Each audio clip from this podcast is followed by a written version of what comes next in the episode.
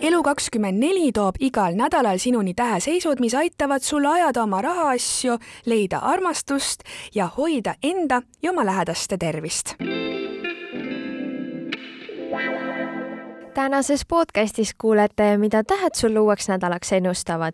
vähk kohtab armastust minevikus, kuid lõvil on aeg mugavustsoonist lahkuda, aga nüüd kõigest lähemalt. head kuulamist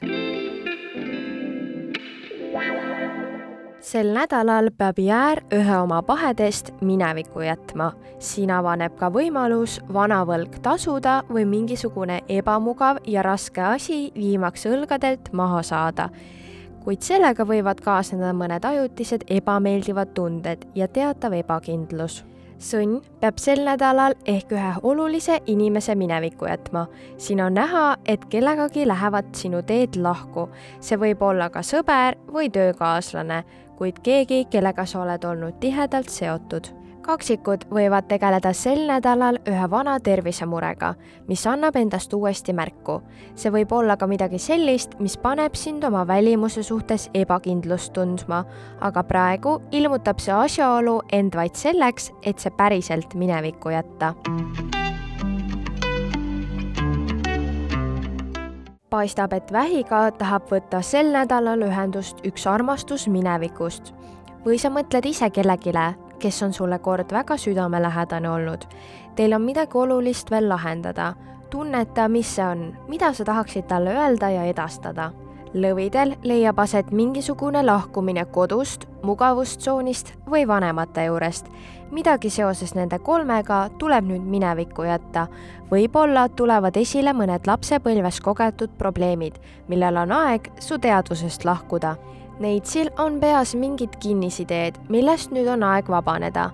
Need võivad olla seotud ka sinu õdede või vendadega või isegi naabritega, aga mingid mõtted, mida sa liigselt mõtled ja jutud, mida liigselt räägid, tuleks nüüd lõpetada. Need ei tee sulle lihtsalt head ja hoiavad sind vanas kinni.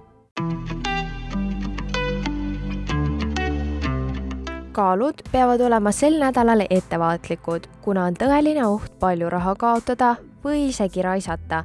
mingid sinu väärtused saavad tühistatud ja justkui vaakumisse imetud. samas ei tohiks oma vanadesse väärtustesse ja materiaalsesse elusse liialt kinni jääda. Skorpion kohtub selle osaga iseendast, mis on aastate jooksul liiga suureks kasvanud. selleks võib olla ka ego ja nüüd tuleb justkui see võimalus ära anda ning plats puhtaks teha.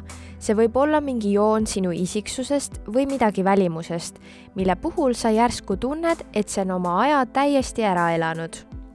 hamburi nädal tuleb teistega võrreldes üsna rahulik, kuna suurem osa sündmusi toimub pinna all. unenäod võivad olla äärmiselt intensiivsed ning sa võid näha unes olulisi hingesugulasi või inimest kellega on sul lõpetamata karmalisi teemasid. Need, kes alles otsivad armastust, võivad näha selle kohta prohvetlikke unenägusid. Kaljukits võib kohtuda sel nädalal vanade sõpradega minevikust, kas otse või ka veebi teel võib-olla mõni sõber võtab ühendust, et anda märku, kui väga ta sind hinnanud on ent need kontaktid ei ole siiski mõeldud tulevikku looma. pigem tasub tunda nende sõprade üle tänulikkust ning häid ühiseid aegu meenutada. veevalaja teele võivad sattuda inimesed eelmisest töökohast ja isegi vanad ülemused. kui nendega jäi midagi olulist lahendamata, siis nüüd sa saad seda teha. ent see aeg võib ka viidata sellele, et keegi või miski sinu praeguses karjääris peab jääma minevikku kalad peavad lahti laskma ühest vanast reisiplaanist, millega olid end sidunud, ent nii mõnigi kala hoopis meenutab üht olulist eksootilist reisi või ülikooli aega. mälestustena on need vanad pildid sobilikud, aga nüüdsest need enam sind edasi ei vii sel nädalal taotlesid tähed eriti põnevat nädalat Skorpionile, kuid kaalud peaksid oma rahaasjadega olema ettevaatlikud. Ära jää ilma iganädalasest Elu24 horoskoobist. pane like ja follow meie sotsiaalmeediakanalitele ja telli digitellimus juba täna. järgmine kord vaatame lähemale, mida toob novembri teine nädal tähemärkidele.